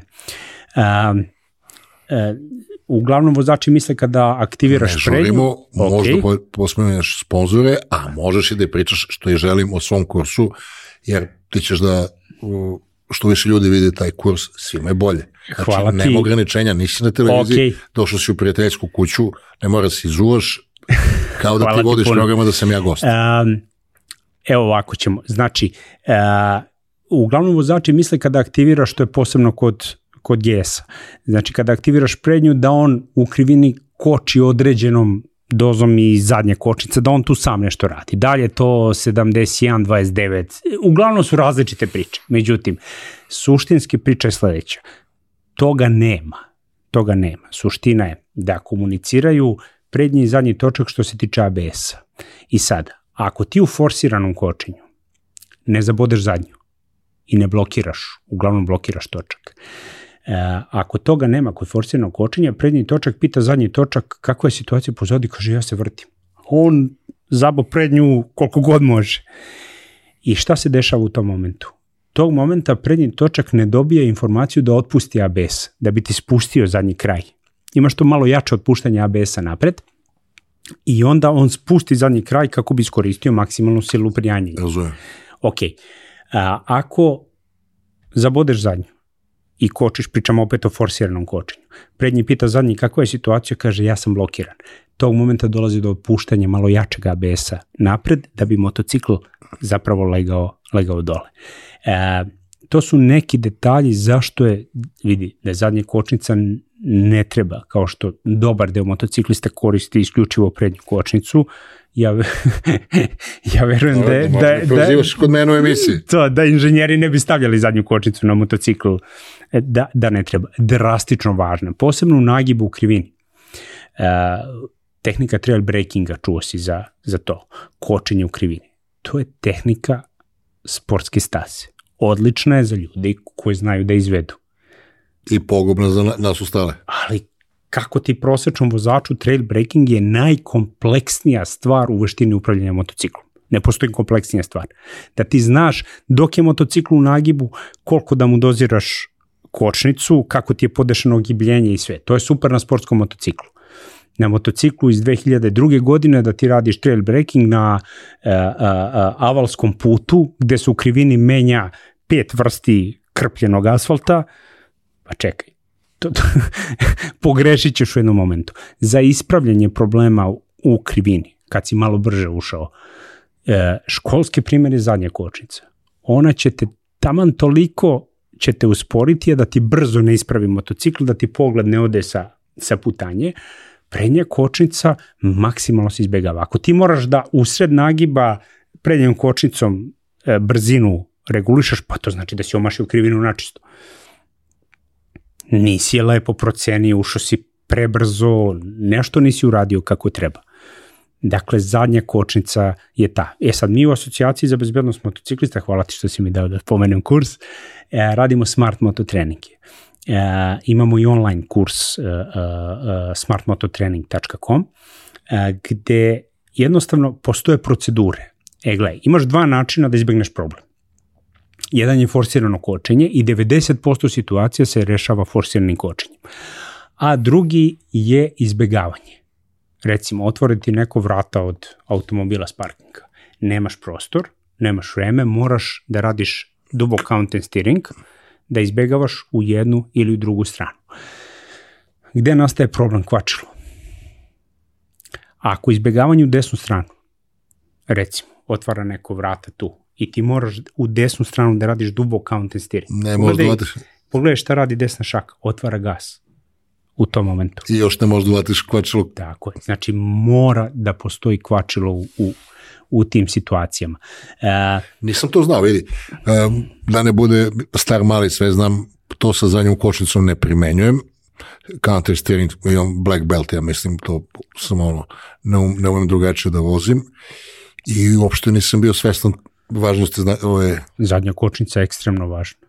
Ekstremno važna, posebno pri malim brzinama, recimo kada se rade poligonske neke vežbe, gde se radi full lock u desnu, full lock u levu stranu, pri brzinama recimo ne većimo 3, 4, 5 km na čas. Doslovno je nemoguće to uraditi, to je kad imaš recimo, ne znam, e, kao tvoj GS ili nešto gde moraš pri jako maloj brzini da manevrišeš tim motociklom, gde ono, uglavnom vozači imaju strah od, od toga.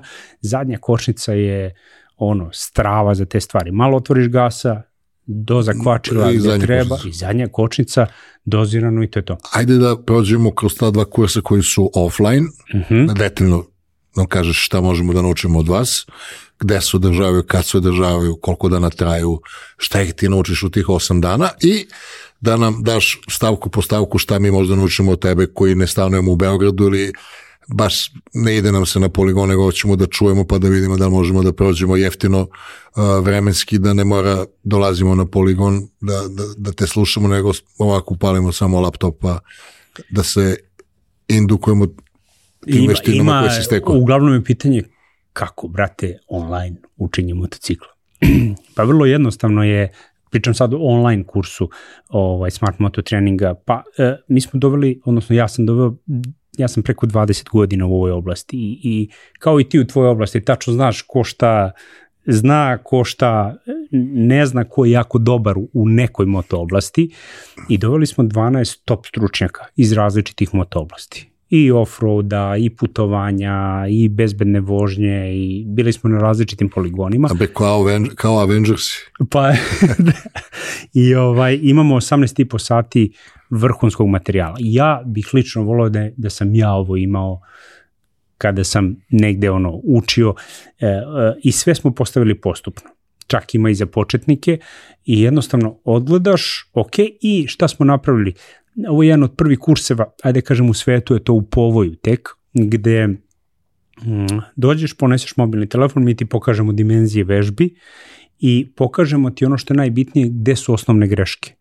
Uglavnom su greške vezane za pogled, za okretanje vrata, za crtanje putanje i u online kursu je sve to negde e, skockano tako da ideš korak po korak. Što se tiče offline treninga na, na poligonu, e, mi to radimo dugo godina, e, suština kod tog treninga većina vozača nema problem sa motorikom i sa veštinom vožnje. To se uči, to su proste procedure.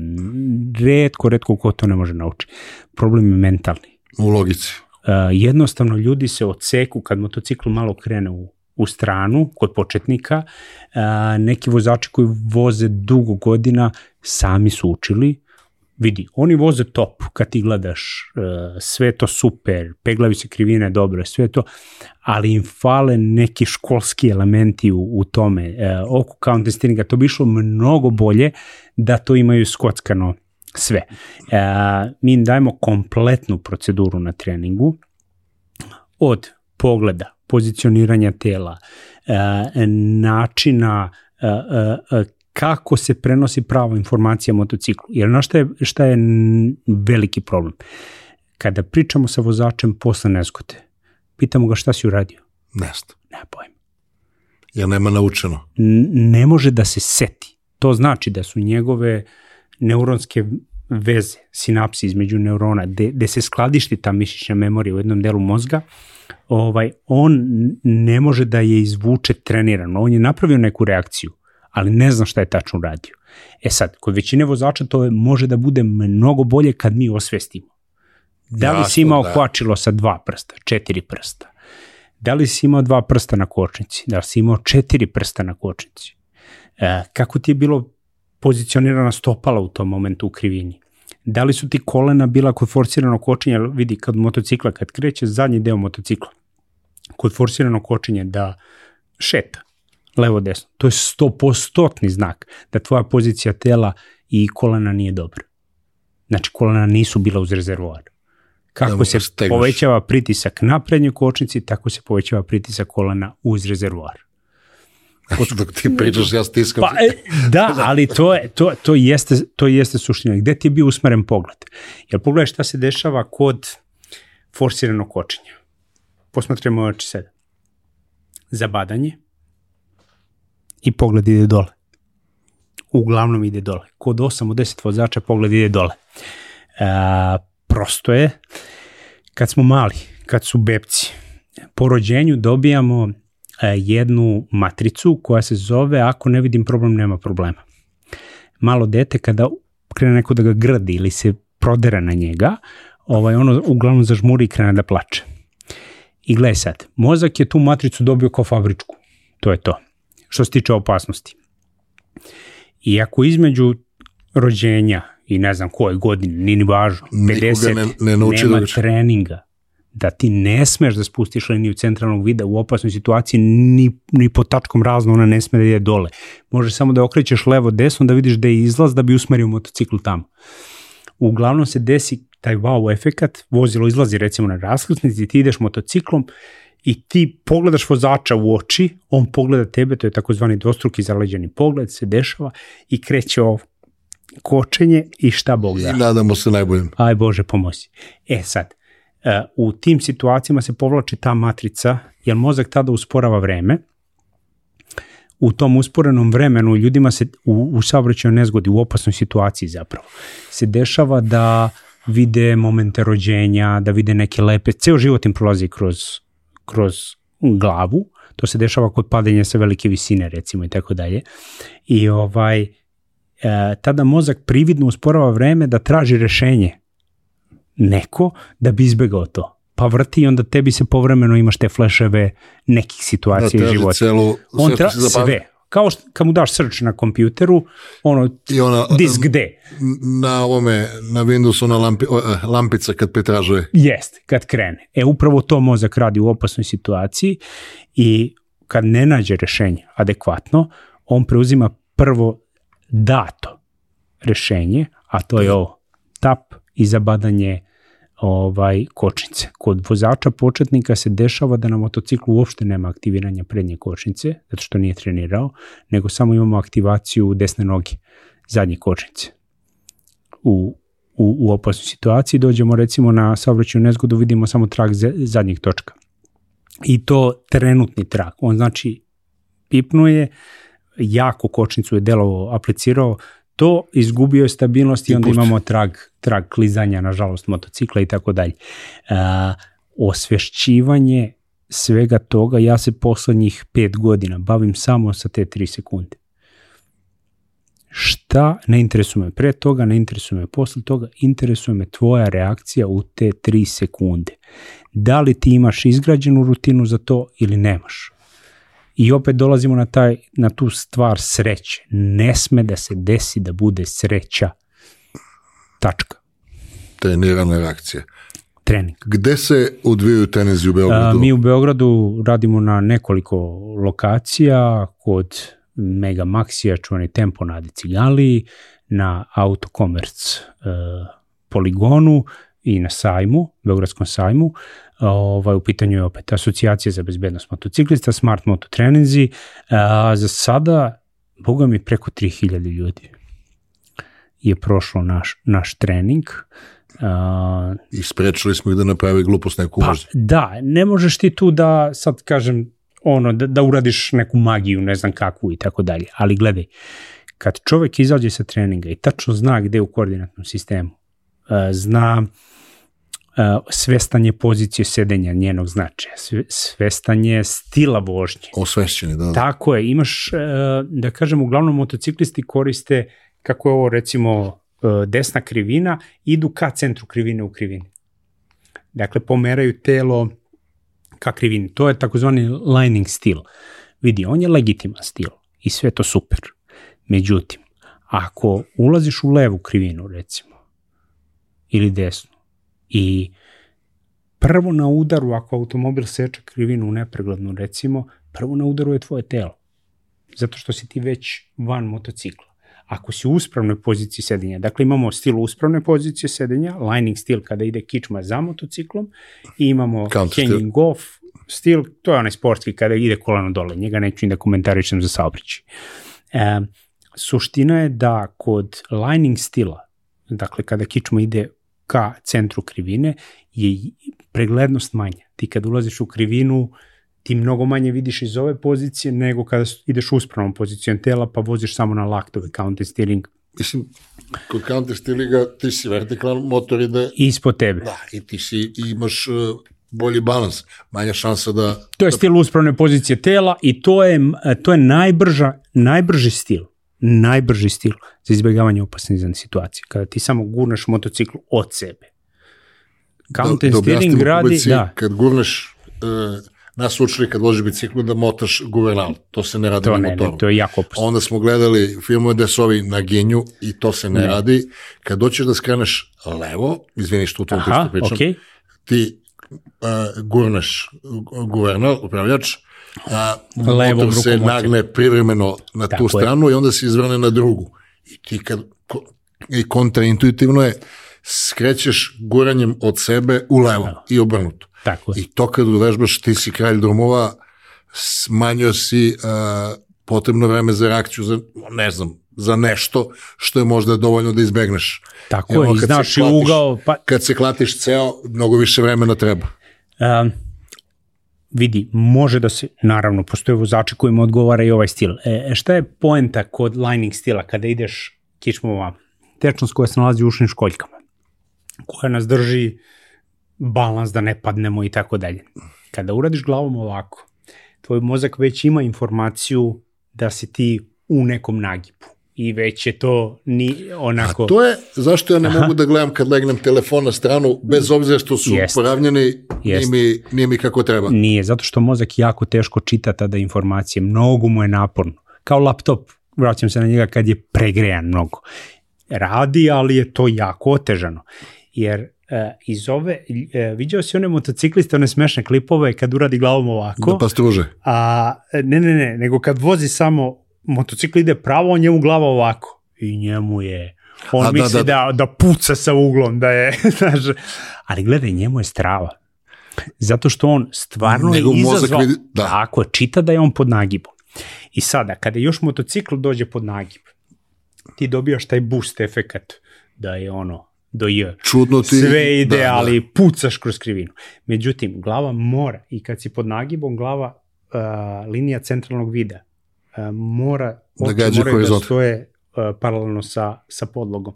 To vidiš i kod GP vozača. I kad siđe s motocikla, njegova glava je ovaj paralelna je uh, linija centralnog vida sa podlogom. Sve vreme. Dakle, ne sme da, da postoji ovaj pomeraj, pomere glave.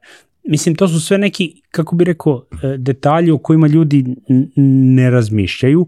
A, a druga stvar, gledaj, ako je ovo točak i ulazimo u desnu krivinu, ok, ne znam da se bolje vidi pod kamerom, znači ovako, ovo je tvoja kičma, ok, a ako je tvoja kičma pravo, centar mase je negde tu i pritisak na pneumatike odličan, da. lepi.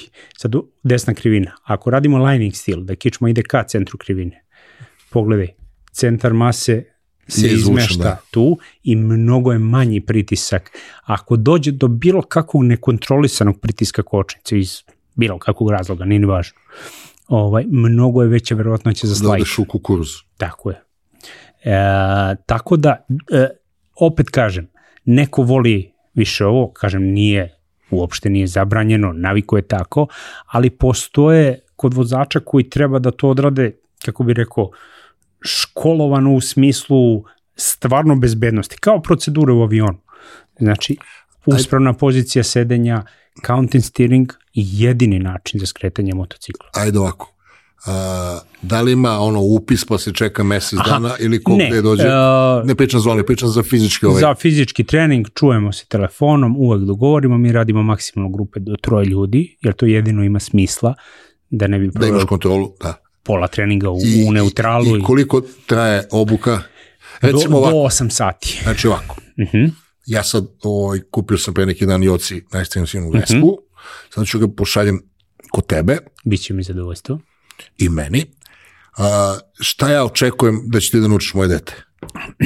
Tvoje dete će dobiti sve ono što mu je potrebno. ti počinješ posle dozvole ili možeš i pre? Mora da ima dozvolu. Dobro. Mislim, E, da, dozvola u smislu, e, to je post obuka, znači Dobro, nažalost, naše autoškole, ne greškom autoškola, ne greškom instruktora, a, su se zaglavile vremenski u obuci za motocikl. Iako je ona relativno skoro, da kažem, updateovana u, u tom smislu, moje mišljenje je da kasnimo barem 10 godina.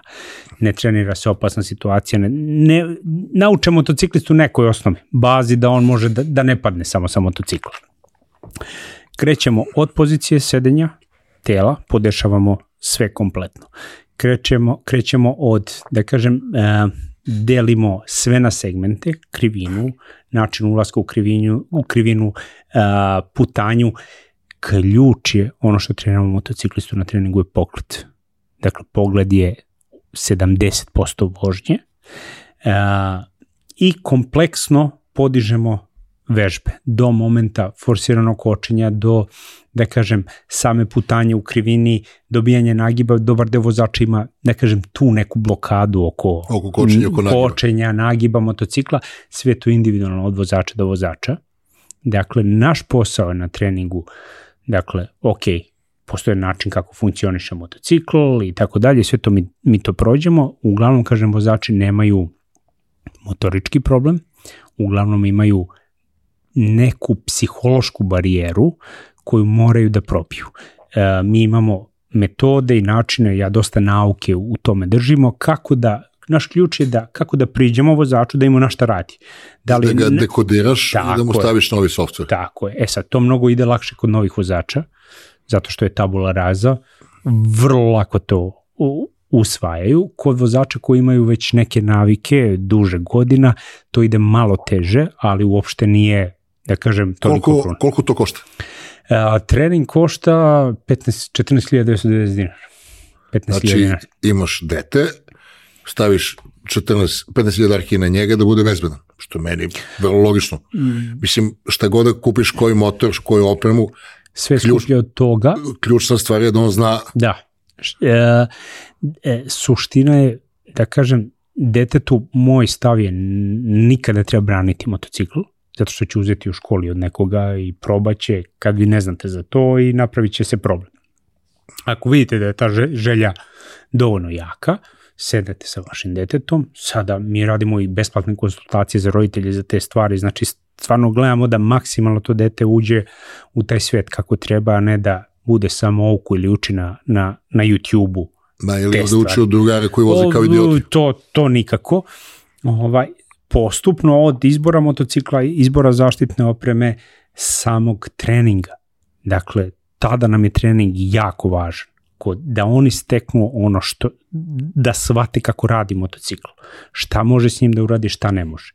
Kod vozača koji duže voze, dakle, nama je suština da ukapiraju, možda nema šta da se ispravlja, ali uglavnom ima da se ispravi, da ukapiraju da svesno koriste counter steering, da ukapiraju da prvi put probaju e, ne znam, e, kočenje u nagibu. E, mi imamo jedan napredni trening koji Pa pričaj to šta okay. si stisu. Ovaj, suština nam je kod tog treninga da simuliramo opasnu situaciju. Dajemo ti realno vreme, imamo, kada ti ne znaš da će ti se desiti opasna situacija, ona je u vidu neke prepreke, a, dajemo ti realno vreme koje imaš u saobraćaju da rešiš to. Bezbedna prepreka ti izlazi i ako udariš u nju neće ti biti ništa. Ovaj, neke su da kažem i hologramske i tako dalje, da vidimo kakvu reakciju imaš na opasnost. To nam je jako važno. Najopasnije što može se desiti kod vozača, kad izleti opasnost da ne uradi ništa. Ne postoji rizičnija grupacija Razumem, radite očitavanje. Tako, mi vidimo, izmerimo to, na početku imamo jedan mali test treninga gde vidimo otprilike šta treba podešavati uglavnom od jedan primer, recimo vidimo da stopala na fuzastarima stoje sa strane. To znači da sigurno u kočenju nećeš imati dobru stabilnost, sigurno kod klizanja motocikla ili kod većeg ugla će stopalo zakačiti o, o podlogu. E, neke stvari gotovo je nemoguće izvesti ako stopala ne stoje na fuzastarima, kao kad dižeš teg, ti moraš da si na prstima a, ovaj, u čučnju. A, kada to vidimo, otprilike kod vozača, kada uradimo taj test, e, nakon toga gledamo individualno kod tog vozača šta mu treba i tu dižemo I veštinu vožnje. I taj koji taj naprednik, isto, koliko traje? Do 8 sati. E sad. Jer tu jednu stvar ga naučiš, e, što spašava život, jasno. To, to, to je suština zato što a, je tu važno, moramo da pratimo i psihofizičko stanje vozača.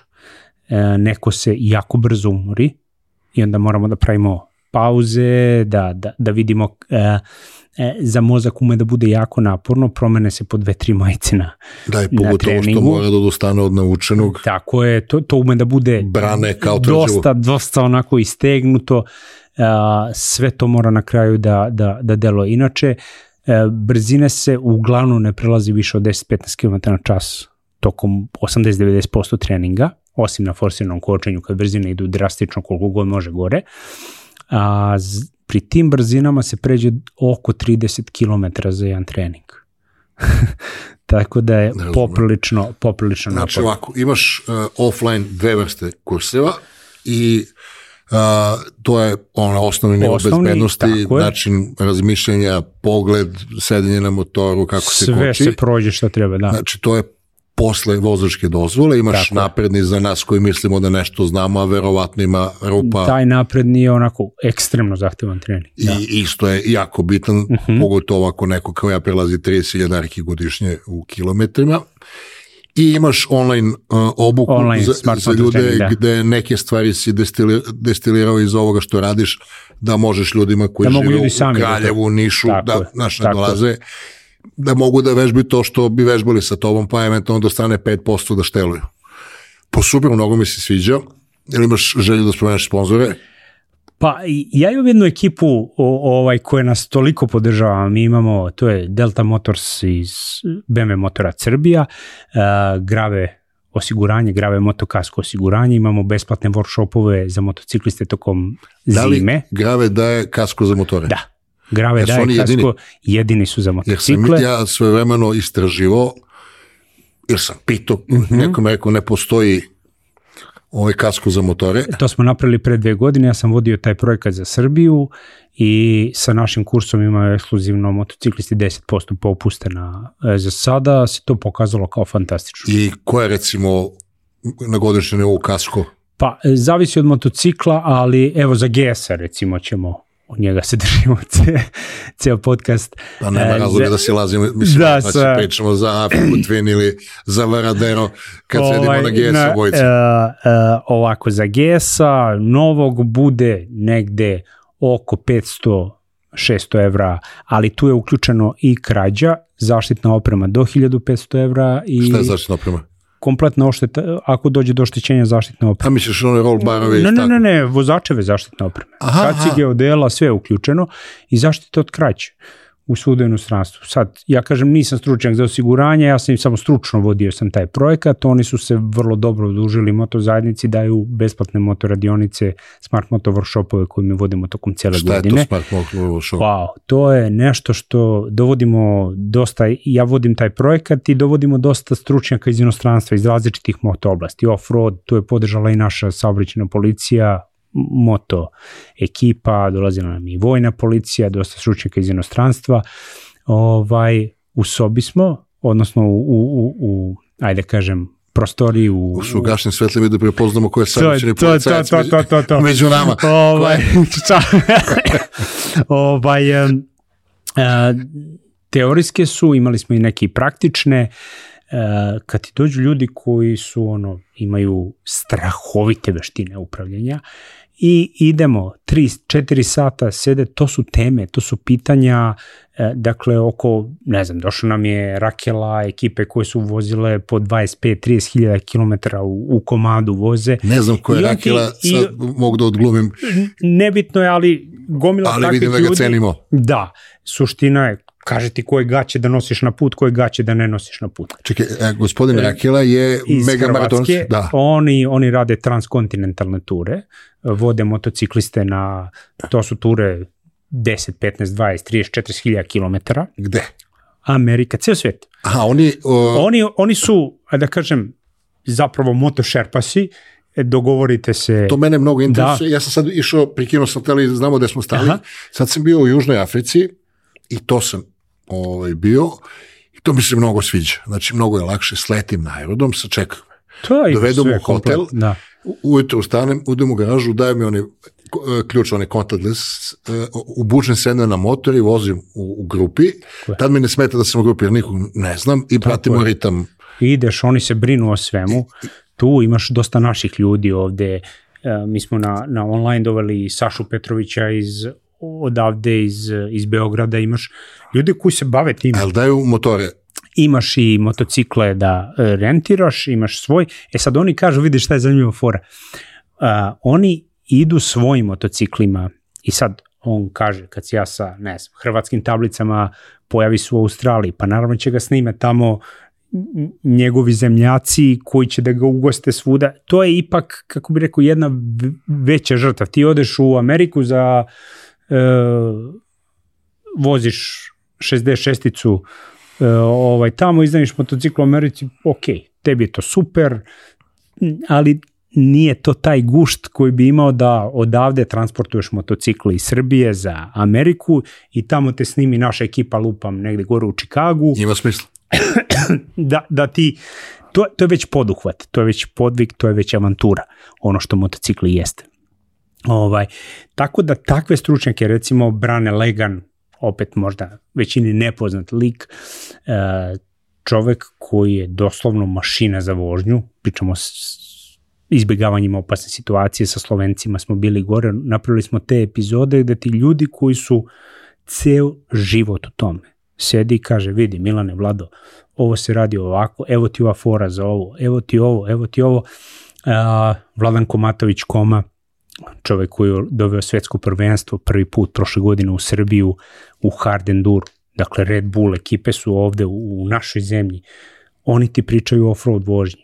Dakle, e, i to je, da kažem, ja sam preponosan na taj projekat, pošto smo sve stavili, da kažem, u, u jedan paket, samo to otvoriš, gledaš, ne potrebuješ na YouTube da upravo učiš. Ne, mislim, kad Tek hoćeš, si položi i učiš trail breki. kad neko hoćeš da nasankaš, pošalješ ga da istraži sam. E, mi živimo ne u manjku, nego u izobilju informacije kako da Tako je. destiluješ šta je, šta ti treba i tako od tog šta ti treba da, šta je dovoljno dobro i precizno objašnjeno. To je, ja mislim, najveći problem današnjice je upravo to što kažeš.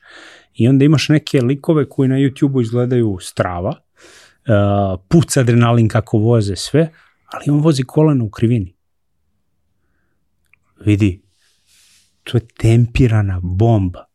Pogotovo za nas koji volimo da imamo oba kolena. Pa, ali tempirana bomba. Samo je pitanje, zamisli ti si u hanging off poziciji i izleti ti traktor u navalskom putu. Šta ćeš ti, da glumiš Rosija Markeza, da, da, da, da, da izbegavaš? Kako? Dok se vratiš na motociklu, već si u pola traktora. Da. N- nije realno. Već menjaš ulje u traktoru. Pa da, ali ako imaš, uh, imaš poriv za sportskom vožnjom, da ne zaboravim i to, Idi na pistu. Prikolica, motocikl, idi go probaj se na stazi. Jednostavno. Vrlo jednostavno. Kompletna oprema, uslovi. sve ti je tu, pregledno sve, svi se kreću u jednom smeru, nema šta da ti iznenadi i odeš lepo na stazu i onda shvatiš da tamo mora da se uče neke druge tehnike, da to što ti misliš da si brz na ulici tamo ne znači ništa i to je to. Kada reče ta brzina na stazi, ovo ja sam živo u Americi i Mhm. sad ti neki sportovi američki, recimo onaj američki futbol što ga mi zovemo ragbi, totalno mi je nejasno onda bejsbol, jer oni su osvojuši tu zemlju penali taj drive da osvajaju te igre, znaš, oni osvajaju metre i one, kako se zove, ja- yard, Jardi, šta je već, Da. da. I dobro, to je to. Ovaj, te neke ekstremne sportove volim da vidim, ne volim da pratim, ne trošim mnogo vremena. Pratio sam Pastrenu, ovaj, Teresa Pastrenu, ovaj, i upali me neka ekipa da idemo da gledamo NASCAR. Rekao, što će gledamo NASCAR, vrte se u krug. Ne, idemo. NASCAR, pa se nešto mi vozimo. Sad, parkiramo se, ne kao što sam ja naučio ono, blizu objekta, nego smo negde parkirani. I onda izađemo, rekao, šta je ovo buka? Znaš, mi smo na kilometar, ono, ništa Ono se urla. Mi prilazimo i moramo stavimo čepove u uši i mi ulazimo se ovako. ovako se trese, sve se trese. Oni prolaze brzinu od 350 na sat su zalepljeni na 10 cm jedan uz drugi. Ti tek tad vidiš, Ko je to sila, šta je to, da. Da, nema šta je osjećaj. jer pogotovo što gledamo filmove da je ubrzan snimak, pa znaš, nemaš osjećaj. Kad vidiš uživo NASCAR, barem moje iskustvo, smo totalno ono nevera. Ludilo, da. Ivan bio mali, morali smo da izađemo, mnogo mu glasno bilo. Vlado, mnogo ti hvala što si našao vremena da se odazoveš ovom mom pozivu. A, nije samo dobro za moj YouTube kanal da imamo tebe kao gosta, jako je bitno za ljude koji ili već voze motor ili počinju da voze motor, da razumiju šta smo pričali i za roditelje koji a, se ne vjeruju, deca su izrazila želju da imaju motor, imate čoveka koji može da vas besplatno posavetuje, da vas usmeri, da obuči vaše dete ili da odgledate njegov kurs. Vladu, puno ti Hvala, hvala. ti puno. Hvala tebi, Milane. Ovo su jako važne stvari i ja mislim da je važno pričati na ovu temu, da se samo zid ne menja na reči i da dokle god budemo pričali da nekom spasemo život u trenutku, mi smo završili naš posao. Čuli ste Bata Vladu, uh, ako kojim slučajem vidite ovaj video, a ne pratite Milen Strongman TV, zapratite. Bitno je da pritisnete ono zvonce da vam izlaze notifikacije. Prema mojim saznanjima YouTube algoritam jako ceni komentare, pa da bi moje videi bili vidljivi, s obzirom da ne plaćate ništa, a gledate, bilo bi lepo da postavite pitanje meni ili vladi nešto o motociklizmu, stavite neki komentar, nemoj da ste stisnuti. Do gledanja.